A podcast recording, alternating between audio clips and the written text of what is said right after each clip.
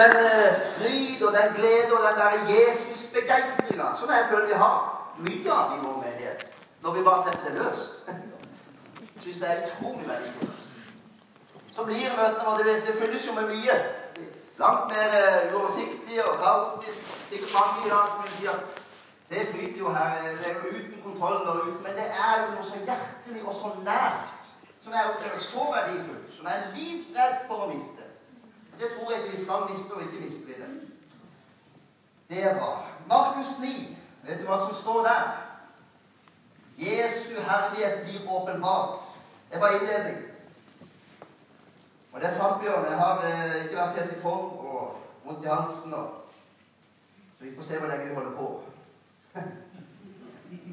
det er nydelig med Den hellige ånd. Hvordan Den hellige ånd koordinerer. Jeg kan ikke ringe til Lillian og si nå må jeg synge de og de sangene, for jeg skal preke det og det. Nei, Jesus, nei Lillian jeg har eh, apparatet på plass. Hun synger 'Løft ditt blikk' eller 'Se på Jesus'. Kristine kommer og snakker om det, og jeg, sier, og jeg kommer og snakker om akkurat det samme. Og Ofte så sitter jeg der nede så tenker jeg yes, da var det det her. Da var det det her. Det bekreftes og det bekreftes og det bekreftes på flere innslag. Er det ikke sånn vi vil ha det? Det er den levende Gud som legger til rette for oss. Men vi skal ikke lese hele, men du kjenner historien med disse tre disiplene. da. Peter, Jakob og Johannes, som tas med opp på dette fjellet. Jesus blir forklara. Hva betyr det? Jo, det betyr at han begynte å skinne, rett og slett. Det er ikke noe annet å se det på. Klærne ble så hvite som ingen kan bleke klær. Antagelig ikke en dag i dag. Og de skjønte at her er det noe helt spesielt. Og plutselig kommer Moses. Moses var død for en tid tilbake. Ganske lang tid tilbake. Og Elia kommer. Og så står det Da tok Peter til orde og sa til Jesus Rabbi, det er godt at vi er her. La oss bygge tre hytter. En til deg, en til Moses og en til Elia. Han visste ikke hva han skulle si, for de ble grepet av stor frykt. Jeg syns det er artig, altså. Når det står 'Han visste ikke hva han skulle si'. Og så tenker jeg, men hvorfor må du si det, da, Peter? Hvis du ikke vet hva du skal si, hvorfor må du alltid si noe? Men det var Peter, det, i et nøtteskall. Han følte han måtte ha en finger med i spillet uansett. Men nå var det en situasjon som egentlig var et historisk enormt øyeblikk. Og Det er ikke sikkert du har kobla Hvorfor skjer dette med Moses og Elia? Jo, hør. Moses og Elia de er loven og profetenes støtte til Jesu frelsesoppdrag. Det binder hele Skriften sammen, fra Gamle testamentet til Nytestamentet, at akkurat disse to kommer. Loven og profetene.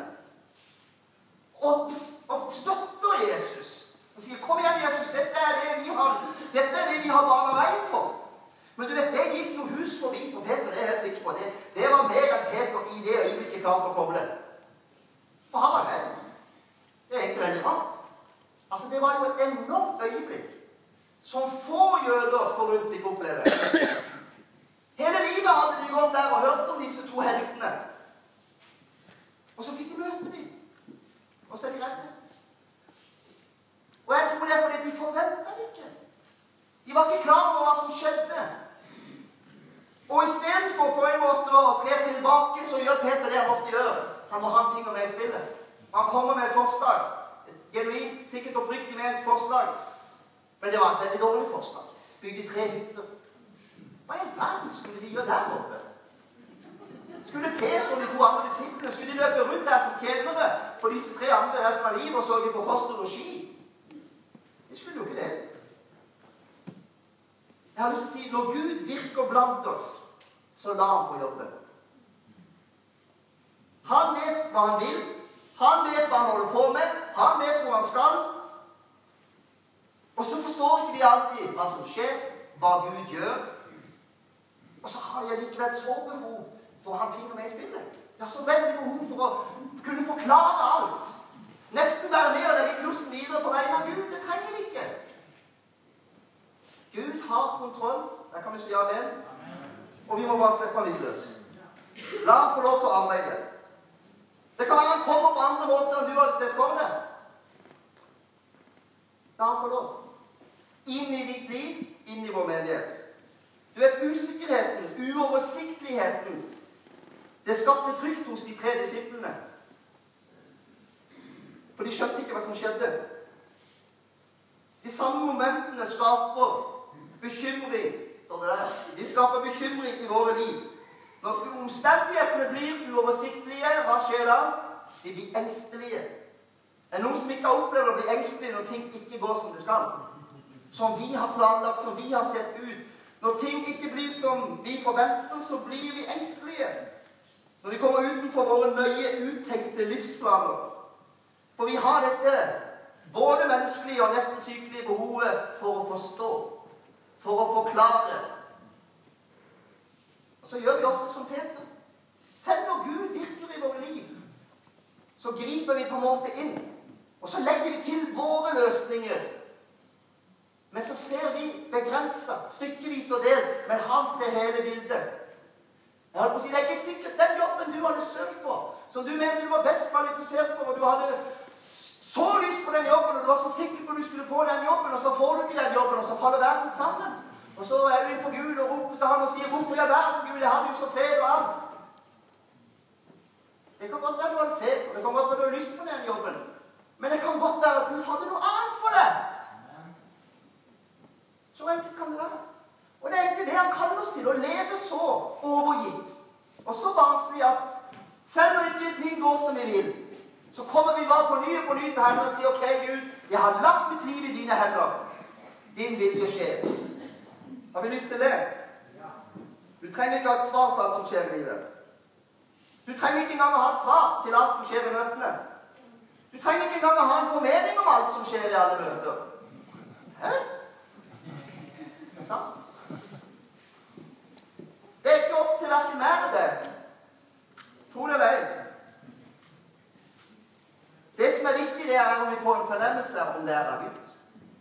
Det er viktig. Det var en veldig dårlig løsning å bygge tre hytter. Hvordan hadde det gått med evangeliet om de bosatte seg på fjellet? Det hadde ikke kommet ut. Hør, i desperate tider, holdt jeg på å si, i desorienterte så ikke let først etter egne løsninger. Gud har oversikt. Det finnes en løsning før alle andre løsninger. og Det har vi vært inne på i dag, Kristine, Lilja og andre. For det finnes ett navn over alle andre navn. Hva skjer? Jo, Gud taler gjennom skyen og sier 'Dette er min sønn, den elskede. I ham har jeg velbehag.'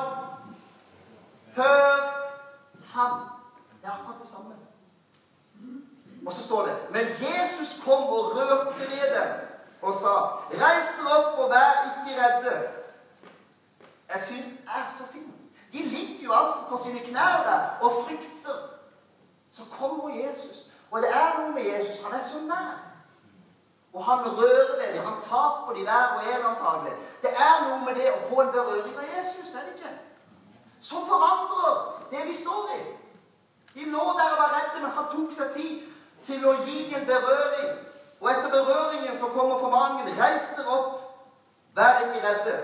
Men da de løftet blikket, så de ingen andre enn Jesus alene.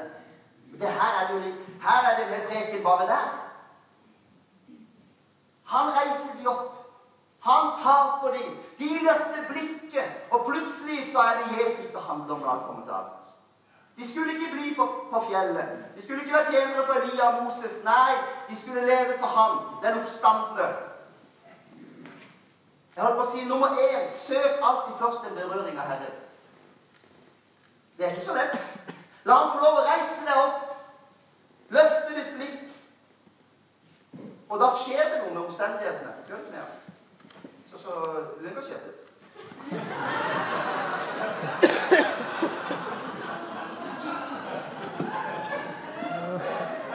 Det var innledninga.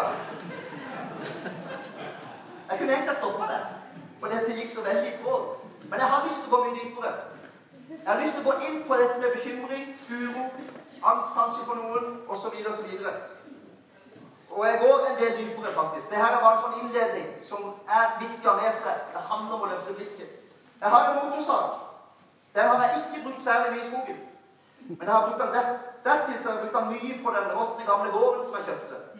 Og tømmeret der. Og ergo har ikke mye penger på motorsag. Men jeg klarer å starte den, jeg klarer å skjære gjennom det råtne. Men Ole Georg, hvis du kjører den saken Jeg har merket at når man bruker motorsag altså Den virker jo på en måte best når du har full speed. Jeg er på la, jeg er på tenker, ja, nå er full speed. Men jeg har hørt på andre som kan det med motorsag. Det varierer så hele tida. Jeg hvorfor stopper de hele tida? Hvorfor gjør de det? Og jeg tenkte, Hva skjer hvis du kjører på full speed hele tida igjennom? Blir det overoppheta? Kanskje ikke. Jeg, jeg, sier at han blir overoppheta, for hvis ikke må jeg gå hjem. Men det som er alt Det kan være motorsaga varer kortere. Det er som en bil. Hvis du presser en bil konstant på alle gir, alltid, så går den motoren. Og hør, jeg tror vi kan bli mentalt overoppheta her oppe. Under mye stress og press og uro og bekymring så tar vi lett dårlige valg. Vet jeg ingenting om, sier du. Jo, det vet du. Vi tar masse dårlige valg når vi har mye press, mye stress, mye uro i livet. Og vi ender ofte med å ta våre egne valg framfor hans valg. For det er akkurat som Peter. Han ble så slått ut av at han møtte noe han ikke forsto, noe som han ikke forventa. At han kommer med et sånn idiotisk dårlig forslag som jeg er helt sikker på at i ettertid så har han tenkt nøye over det. Så han tenkt, Det var et idiotisk forslag. Og sånn er det med ditt liv. Du vet veldig godt at når du er i situasjoner i livet hvor du blir ultrastressa og oppgava, så ta, tenker du dårlige tanker, og du tar dårlige valg. Og når du kommer deg ut, liksom, og ut litt på andre sida, får vært til Gud igjen, så står det veldig klart for deg hvor dårlig valg det var. Og så tenker du neste gang skal jeg prioritere annerledes. Neste gang skal jeg vende meg til han. Så gjør vi kanskje ikke det heller. Så du sa det veldig bra, Bjørn. Vi lærer noe så lenge vi lever. Livet er en skole. Det ligger noe utrolig hemmelig i akkurat det som vi leste. En berøring av Jesus som endrer vårt perspektiv. Innrett dere ikke etter den nåværende verden, den nåværende verden, men la dere forvandle, ved at sinnet fornyes, så dere kan dømme om hva som er Guds vilje, det gode, det som er til glede for Gud, det fullkomne. Altså, Det handler altså om en form for endring fra en fra noe til noe annet, fra en tilstand til en annen tilstand. Du vet, bekymring. Jeg kjenner iallfall ikke mange som eh, virkelig bestemmer seg, rydder plass i kalenderen, bestemmer seg for å sette seg ned, hente seg en kopp te eller kaffe, fyrer i peisen, finner fram pleddet og setter seg ned og tenker at nå skal jeg virkelig få en god og stille stund med masse mørke, bekymrede tanker. Men det er ikke mange som gjør det. For det er ikke noe vi ønsker. Men det bare kommer. Det kommer bare. Og egentlig er det jo ganske frekt å komme sånn uinvitert inn i våre liv. Er det ikke det? Men hør, djevelen er frekk. Han er ikke manever. Han kom ikke som en brølende løve i disse tilfellene, for da ville du avslått ham. Da ville du tatt opp garden og skjoldet ditt. Men han forkler seg som en lysets engel, nærmest. Kommer stille og sant, smyger seg inn med bekymring. Jeg har nesten lyst til å være litt frekk, nei, ikke frekk, men litt frimodig. Når han kommer så frekt og uinvitert, er det faktisk lov å være litt grann frekk tilbake. Ja, jeg tror til og med du kan være så fenol at du kan gjøre ham dør, om du vil. For du har ikke invitert ham. Han bare kommer. Kanskje du tenker med Geir, du er sikkert Du er nok bare ikke en sånn lettbekymra type som er. Det ligger til min personlighet. Og det skal vi heller ikke kimse av. Vi vet det at de som iallfall konstant bærer på dyp bekymring, dyp uro, vedvarende uro, angst og hele skalaen, helt ut i tvangstanker og hva det måtte være av diagnoser, det er ofte genetisk betinga. Det skal vi også ta med oss. At det er, Vi har gode nyheter. Gud er større enn all arv og miljø. Han er større enn alle uheldige medfødte karaktertrekk. Og han har faktisk både makt og kraft til å endre og til å lege hva det måtte være av alt vi kjenner til. Og Det er lett å si, men jeg tror på det hele mitt hjerte. Det er jo ikke sånn at han, han har liksom makt til å reise folk opp fra rullestol og gi blinde syn igjen. Men akkurat den der litt trassige personlighetstypen der, det er for mye for Gud. Det er sånn de ofte tenker. Ja, tro for tegn under alt mulig, men akkurat den der personlighetstypen der kan bli endra. Det er vanskelig å tro på, nesten. Men klart Gud kan det. Bekymre deg ikke, for hver dag har nok med sin egen plage, Jesus. Og bare utsagnet her er nok til at noen av dere tenker Å, hva mener han? Ja, ja, jeg har ikke så mye å bekymre meg for i dag, men det kommer jo en plage i morgen òg. Så hvis du klarer å ta til deg ordet og kvitte deg med dagens bekymring, så lurer du på hva mener han da? Hvilken beklagelse som kommer i morgen? Bekymre deg ikke, sier han. Fint. Og nå kommer det. Hvordan gjør vi det? Ja.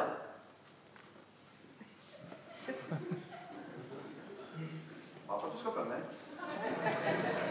Jeg kunne valgt en veldig enkel løsning, og så kunne jeg sagt Ja, men det leste jeg jo for deg. Hørte du ikke etter? La det være! Kunne sagt det. Så går vi hjem. Ja, men det er Guds ord. Det er Guds ord. Og jeg kunne gjort det. Bekymre dere ikke. Punktum ferdig. Ha det bra. Men hør, igjen og igjen så forteller Guds ord oss om hvem vi er, og hva vi er, og hva vi har fått. Og han sier liksom alt hva vi allerede er. Vi er rettferdige, vi er hellige, vi er ulastelige, vi er fullkomne. Men samtidig så sier den parallell ved siden av. Så sier den 'forbli i dette'. Hold fast. Fortsett. Gi ikke opp. Fortsett med dette. Den sier til og med 'arbeid på deres frelse med frykt og beven'. Så vi skjønner at Bibelen anerkjenner altså at vi lever i en vedvarende prosess hvor det som får mest plass i vårt liv, det dominerer. Det som får mest plass, det dominerer. Det du gir fokus i livet, det blir toneangivende i ditt liv. Kolosserne 3.2. Ha sinnet rettet mot de ting som er der oppe, ikke mot de ting som er på jorden. Og Hvis vi ser på verden i dag, ser på vår historie, så er det egentlig forbausende denne her menneskelige evnen til å utvikle bitterhet, gruppering, hat, ondskap, sjalusi, bekymring, angst, uro. Det er jo nesten grenseløst hvor ond denne verden har vært og kan være, og ikke minst i historien. Jeg håper du leser litt historie. Jeg er veldig interessert i å lese historie. Det er ufattelig hvor, hvor ond verden har vært i tider. Nå har jeg en overskrift som det står 'selvutviklende'. Det er litt spennende for å høre. Du trenger faktisk ikke verken å jobbe eller anstrenge deg for å vokse akkurat i disse tingene. Det er ikke noe du må ta deg sammen for og bekymre deg. Det er ikke noe du trenger å finpusse, liksom. For å bli en riktig god bekymrer. Eller en riktig god baktaler. Hør! Det eneste du faktisk trenger å gjøre, det er å ikke ha noen mottiltak. Det er alt du trenger. Og hvis du er sånn som henfaller lett og ubevisst til kritiske og negative tanker Det bare plopper opp først. Uansett. Du er mistenksom, og du er opptatt av alt som burde vært annerledes. Sjalu og sårheter. Uten å være det veldig bevisst, så vil det styre ditt liv mer enn annet. Og det vil automatisk vokse seg større og større hvis de ikke får en motvekt. For det ligger i vår natur. Derfor tror jeg å praktisere Bibels bekjennelse ikke sånn lettfattelig, men jeg gjør det. Jeg, jeg gir Guds perspektiver, hans sannhet og rett. Jeg gir hans sannhet og inngang i mitt liv for å sørge for at det ikke er mine tanker alene og mine følelser alene som får lov å styre mitt liv. Og det var akkurat det Kristine gjorde i natt. Hun ga det til Gud, og så talte hun Guds ord inn i sitt liv. Og der er det en hemmelighet. Vet du hva? Jeg er jo død som ei sild. Jeg er død som ei sild, for jeg lever ikke lenger selv, men Kristus lever i meg. Er det noe å trakte etter? Er det noe å kjempe for noe som er dødt? Er det noe å ha? Er det noe å beholde? Er det noe å rettferdiggjøre? Nei, det er ikke det. Korset tok livet av meg, som Sara sa her på frokosttiden. Korset drepte meg, sa hun. Syns hun sa det veldig bra, men det er sant. Korset tok livet av oss. Men det reises opp til et nytt liv. Det er den objektive sannheten. Men den sannheten må tas vare på. Den må foredles. Den må bli en virkelighet mer og mer i våre liv. Den må få en innflytelse i våre liv. Den er ment å vokse, den er ment å virke preventivt. Henger alle med? Forfall. Man sier jo at alt som ikke pleies, det forfaller. Hus, kropp og fort videre for den. Relasjoner.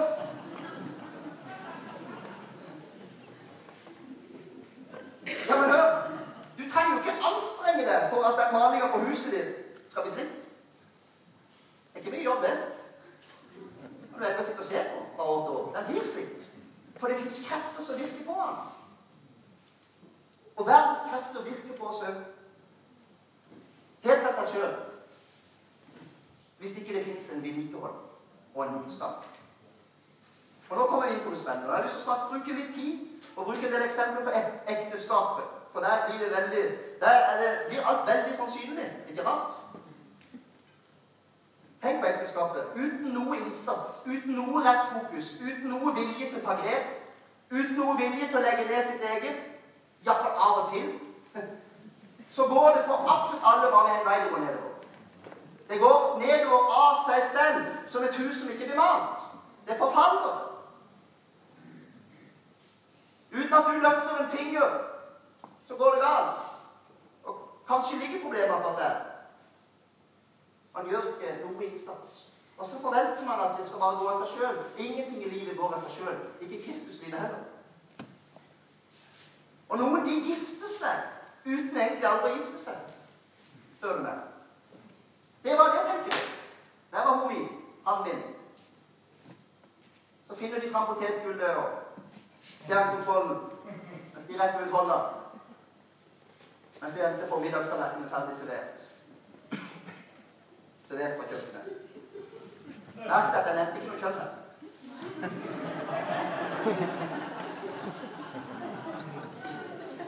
Jeg tror jeg vet hvordan det går i mange av disse tilfellene. Det går ofte dårlig. For de forsto ikke forpliktelsen ved å gifte seg. De forsto ikke ansvaret. De forsto ikke at da kunne de ikke fortsette å leve for seg sjøl.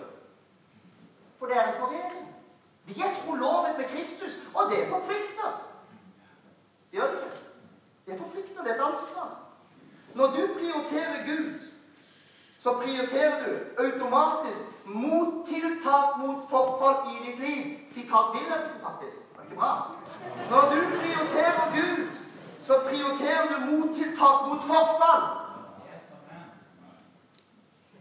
Og det er ikke til å komme unna at livet og relasjon og ekteskap det er uhyggelig komplekst. Og hvis du ikke syns det, så er det fint. Men jeg tror de aller fleste opplever at det er komplekst.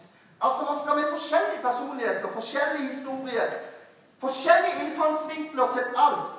Forskjellig forståelse, forskjellige emosjoner, forskjellige følelser. Smelte sammen som har evner å både forstå hverandre og møte hverandre. Uh. Men det er det, det er det det dreier seg om. Det er litt av en brak. Og det er ikke rart at det er vanskelig. Det er ikke rart at man sliter. For det er litt av en bragd. Og det er klart med underutvikler emosjoner, emosjoner som sier seg sjøl at de er krevende for dere kvinner. Nei, ja, der skjønte du hvem den mannen i sofaen med fjernkontrollen var. Og så vet jeg at når jeg sier det her, så tenker du det om Nei, det er, det er ikke snakk om forskjellige følelser. Det er snakk om følelser og ingen følelser, tenker jo dere da. Eh, det er som avkutta hjernebaner. Det er tanker og ingen tanker, føler noen av dere. Ja, utover om fresen blir starte i år også, da, som i fjor. Eller hvordan kveldens kamp skal gå. Eller om hunden fikk gjort nummer to før sengetid. Hør. Det var en beskrivelse av en enkel mann. Alle menn er fornærma, og alle damer. Ingen får det fullt ut til! For ingen av oss er tankelesere.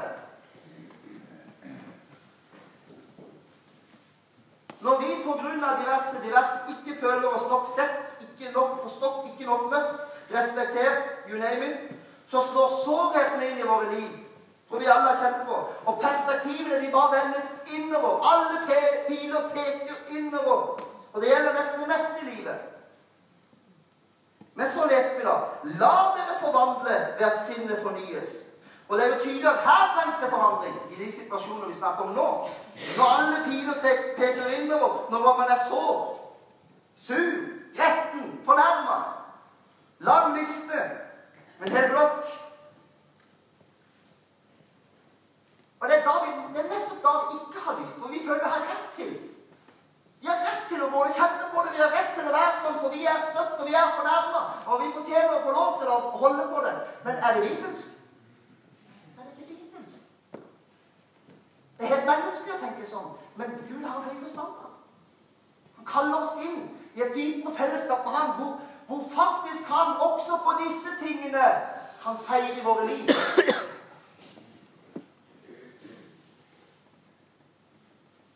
Ja, så vet jeg at du tenker jeg tenkte at hun eller han ikke kunne forstå hva jeg trengte i den situasjonen.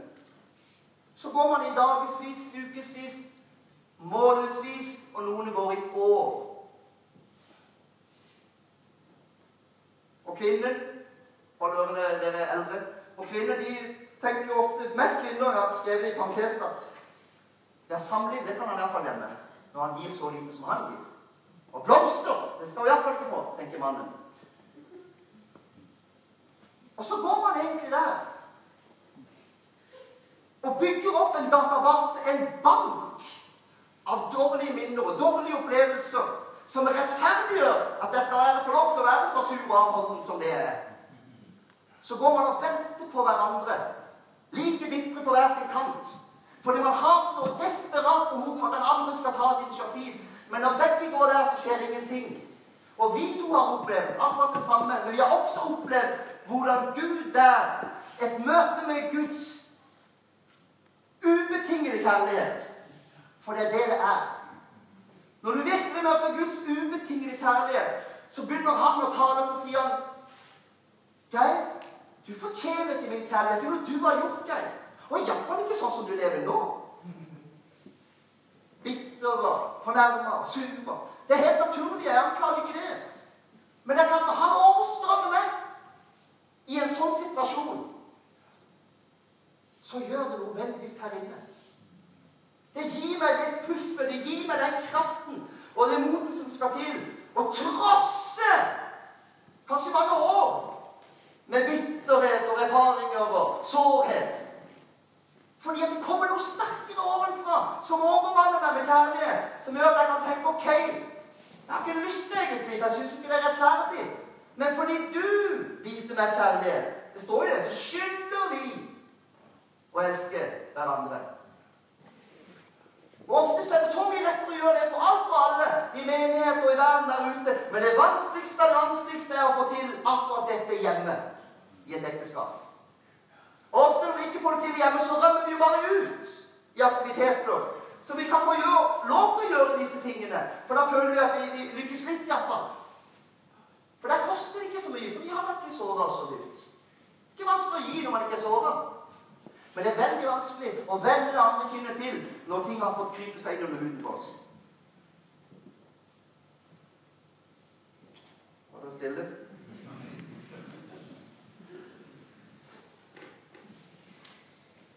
Og siden det er en mann som står her i dag, da, som jeg får lov å si på vegne av mannfolk Det er veldig mye vi ikke kognitivt, eh, intuitivt ikke forstår. Så dere må si det med ord, og ikke bare hinte. For den hintinga, det er egentlig et, det er et gjensvar på lengselen din. At du, du, trenger å føle deg sett, du trenger å føle deg forstått. Så du hinter, for det har du gjort så godt. Om noe kunne gå inn av og til. Men det gjør jo ofte ikke det hos menn. De må ha det i klartekst. Det har, dere ler, men jeg tuller ikke. Det er en kime til årevis med konflikter og årevis med sårhet. Hvis man kan sette seg ned og prate og skjønne at vi er forskjellige, vær med om jobbe masse med akkurat det. Men vi fant ut etter hvert at det, der var rollene snudd. Der var det jeg som hadde en kvinnelig utgave.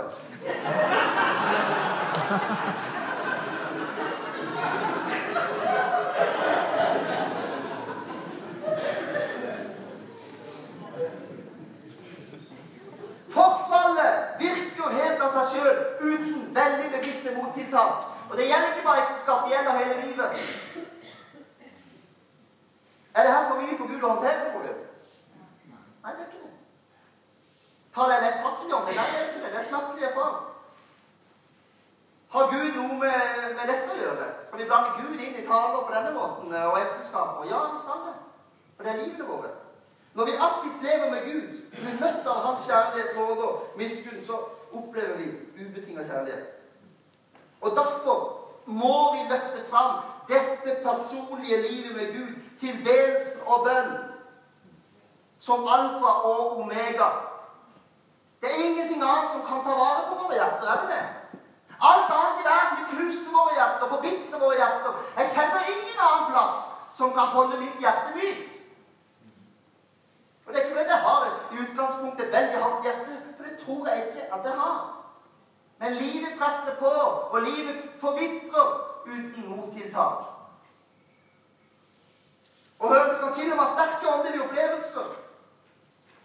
Men hvis det aldri gir seg utslag inn i ekteskap, inn i endrede livsmønster hvis ikke det påvirker disse tingene som går på det dypeste av det dypeste, så må man faktisk stoppe opp og grunne over hva søker jeg egentlig, og hvorfor søker jeg, og hva gjør det med meg? Hørte du det? Han vil møte oss, og han vil fare med sin kraft gjennom oss. Han vil gi Helligånds uh, opplevelser. Men ikke bare for å gjøre altså Han gjør ikke det bare for å gjøre det. Han gjør det med hensikt. Han gjør det for å sønderknuse våre hjerter. Han gjør det for at vi skal komme på dypet med oss sjøl. Menneskets ånd er en Herrens lampe. Den ransaker alle rom i hans indre. Ordspråkene 2027. Jeg gir mine kamper igjen og igjen til Herren. Og Jeg sa ingenting om det er store eller om det er små kamper. Så jeg ikke sitte der og lurer på det. Du kjemper så veldig med, jeg. Men vi kjemper alle.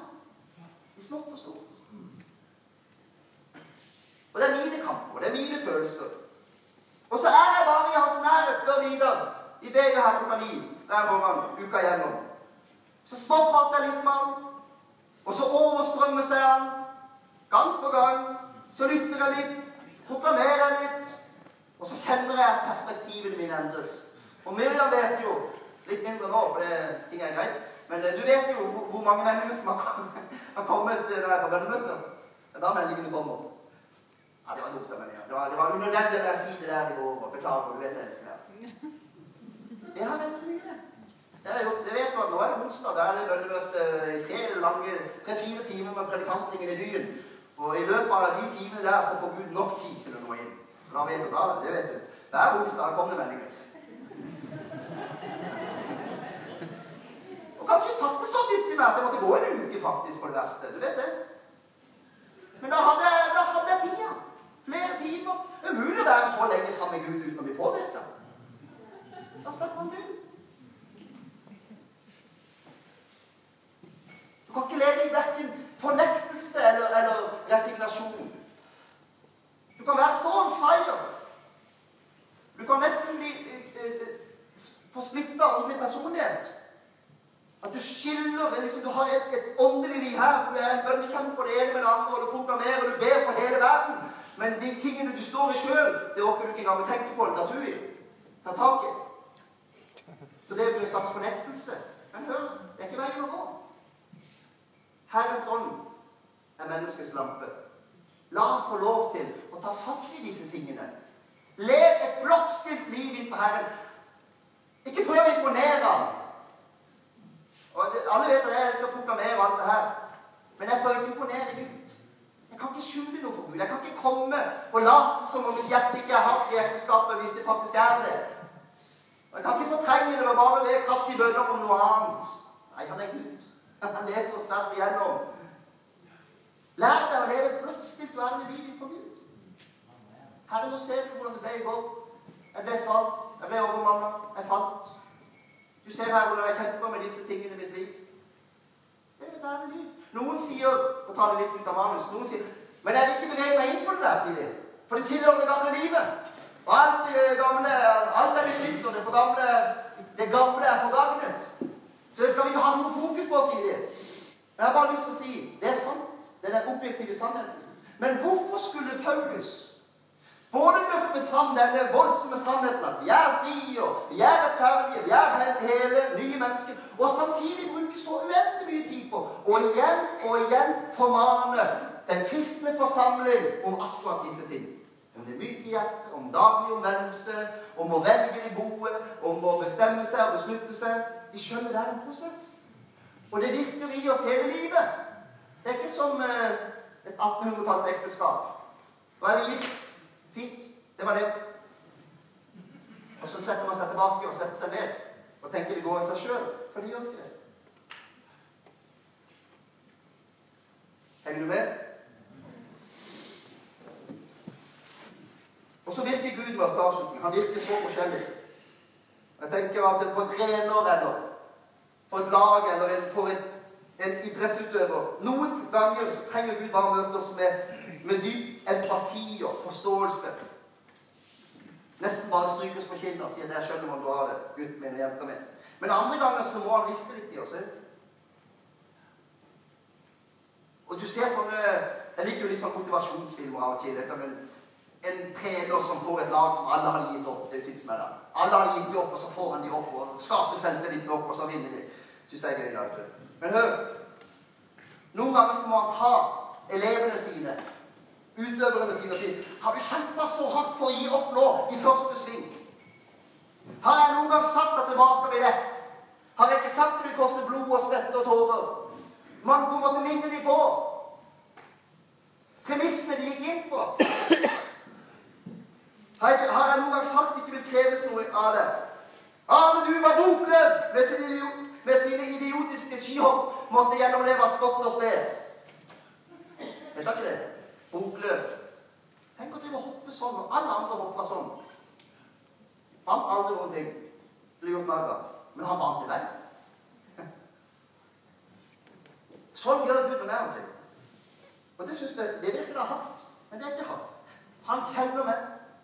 Han vet av og til så er det det som jeg trenger å høre. Jeg elsker å bli oversvømt av hans kjærlighet, men av og til så rister han meg litt. Han lar meg få lov å se meg sjøl og det egoistiske hjørnet som jeg har plassert meg i. Det selvbeglidende hjørnet. Av og til så lar han meg få lov å se meg sjøl. Han er tross alt Gud. Han kan gjøre det. Og så minner han meg på, ikke sjelden, så minner han meg på de forfulgte i verden.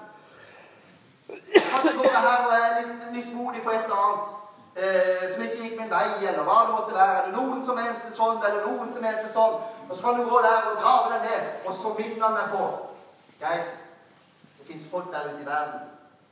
Fra det øyeblikket de sa ja til meg, så var de utstøtt av familier. Så mista de jobb. Hadde ingen framtidsutsikter i det jordiske, men de har valgt meg likevel. Jeg har aldri lovt at det skal være lett begynner han å jobbe med meg. Hva skjer med perspektivene mine? Så blir jeg skamfull av og til. Det er ikke så ofte vi sier det herfra, men av og til blir jeg litt skamfull. Så er det da ingen fordømmelse, ja. Det er ikke den type fordømmelse. Men det er på mine egne vegne så tenker jeg Tenk at jeg, tenk at jeg går her og surrer meg ned i disse småtingene. Og det han har gjort for meg, så stort.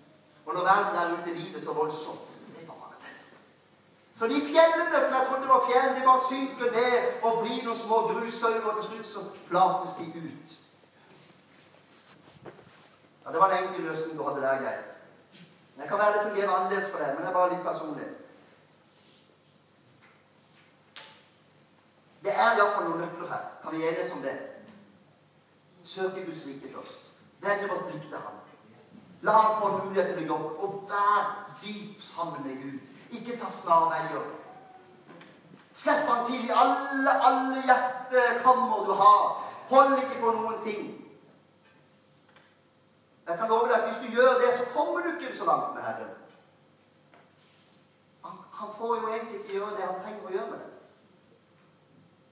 Trenger imponere Herren. Han, han, elsker deg, han er fornøyd med deg. Men nettopp fordi han elsker deg, så vil han så gjerne få komme til å hjelpe deg. Med de dypeste og de vanskeligste tingene i ditt liv.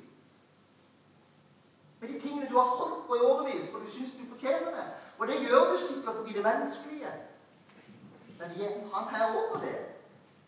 Så la ham komme inn og knyte opp noen knuter og balsamere det og bandasjere det. Jeg kjenner ingen som kan gjøre det som han. Jeg har egentlig tenkt å kanskje spørre mer om det men det er kanskje godt tid For du si to ord? Om hva da? Ja, det er spennende. Kan du si to ord? Kan dere høre litt fra mer òg? Kan du si to ord om det å gå fra å både ha alle svarene og riktig åndelig forståelse og kjøre på, og samtidig ikke være hel? Oi, her la vi sterke føringer. Men jeg vet at vi har delt dette på kvinnekonferanse og andre steder. Så det, og her, kanskje. Kanskje ikke så mye her, men det gjør ikke noe. Det er ikke farlig. Det, det har jeg gjort på kundemøte. Uh, jo uh, Jeg var en veldig stolt person. Det kan jeg begynne å si. Det var jeg jo. Og det er ikke vanskelig å si. Og jeg trodde at jeg var kjempe levde rett og hadde alt på stell og var kjempeflink til å late som, iallfall. Eh, selv om eh, livet faktisk ikke var sånn i det hele tatt. Eh, jeg levde egentlig den som Geir sånn splitta personligheten. Det hadde jeg. Jeg hadde ett liv der, og så hadde jeg ett liv åndeliv, hvor jeg var der. Og jeg mente oppriktig talt at når jeg var innenfor Gud, når jeg var på møte, når jeg var i de sammenhengene, så var jeg der. Og jeg mente oppriktig at jeg trodde at ja, der var jeg. Og så plutselig så var jeg en annen når jeg kom hjem. Når jeg var med andre. Um, og hvordan Gud rett og slett bare tok meg og tillot at jeg gikk på i saula. Og skjønte hvordan livet har levd. Uh, og der lærte han meg utrolig mye. Eh, og ut av det så kommer en ydmykhet som ikke har det før. Eh, jeg tror ikke lenger at jeg sitter og svaret. Jeg tror ikke jeg har forstått alt, for jeg skjønner at jeg ikke har forstått noen ting. Eh, uten Gud så har vi ikke noe. Eh, og det, når, det det gjør med når du lever på kompromiss med Guds ord For det er det du gjør når du lever to liv. på en måte, du, Det du ikke tør å slipper Gud inn på alle rommene i livet, så lever du for, for kompromiss med Han.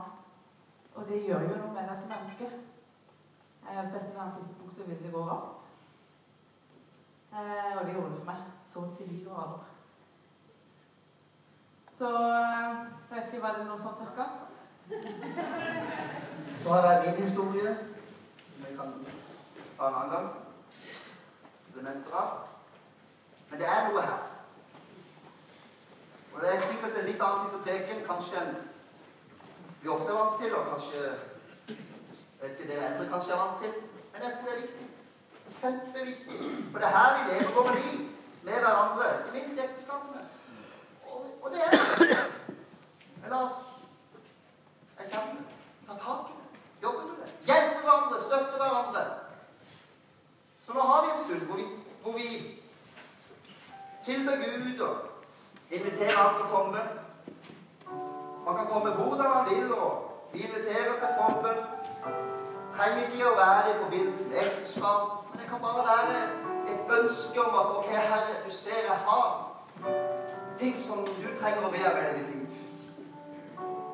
Kanskje prøve av og til å bare se forbi det, men jeg slipper deg til. Kom med din kraft. Kom med din legedom. Gjør ditt verk. Skal vi reise sånn?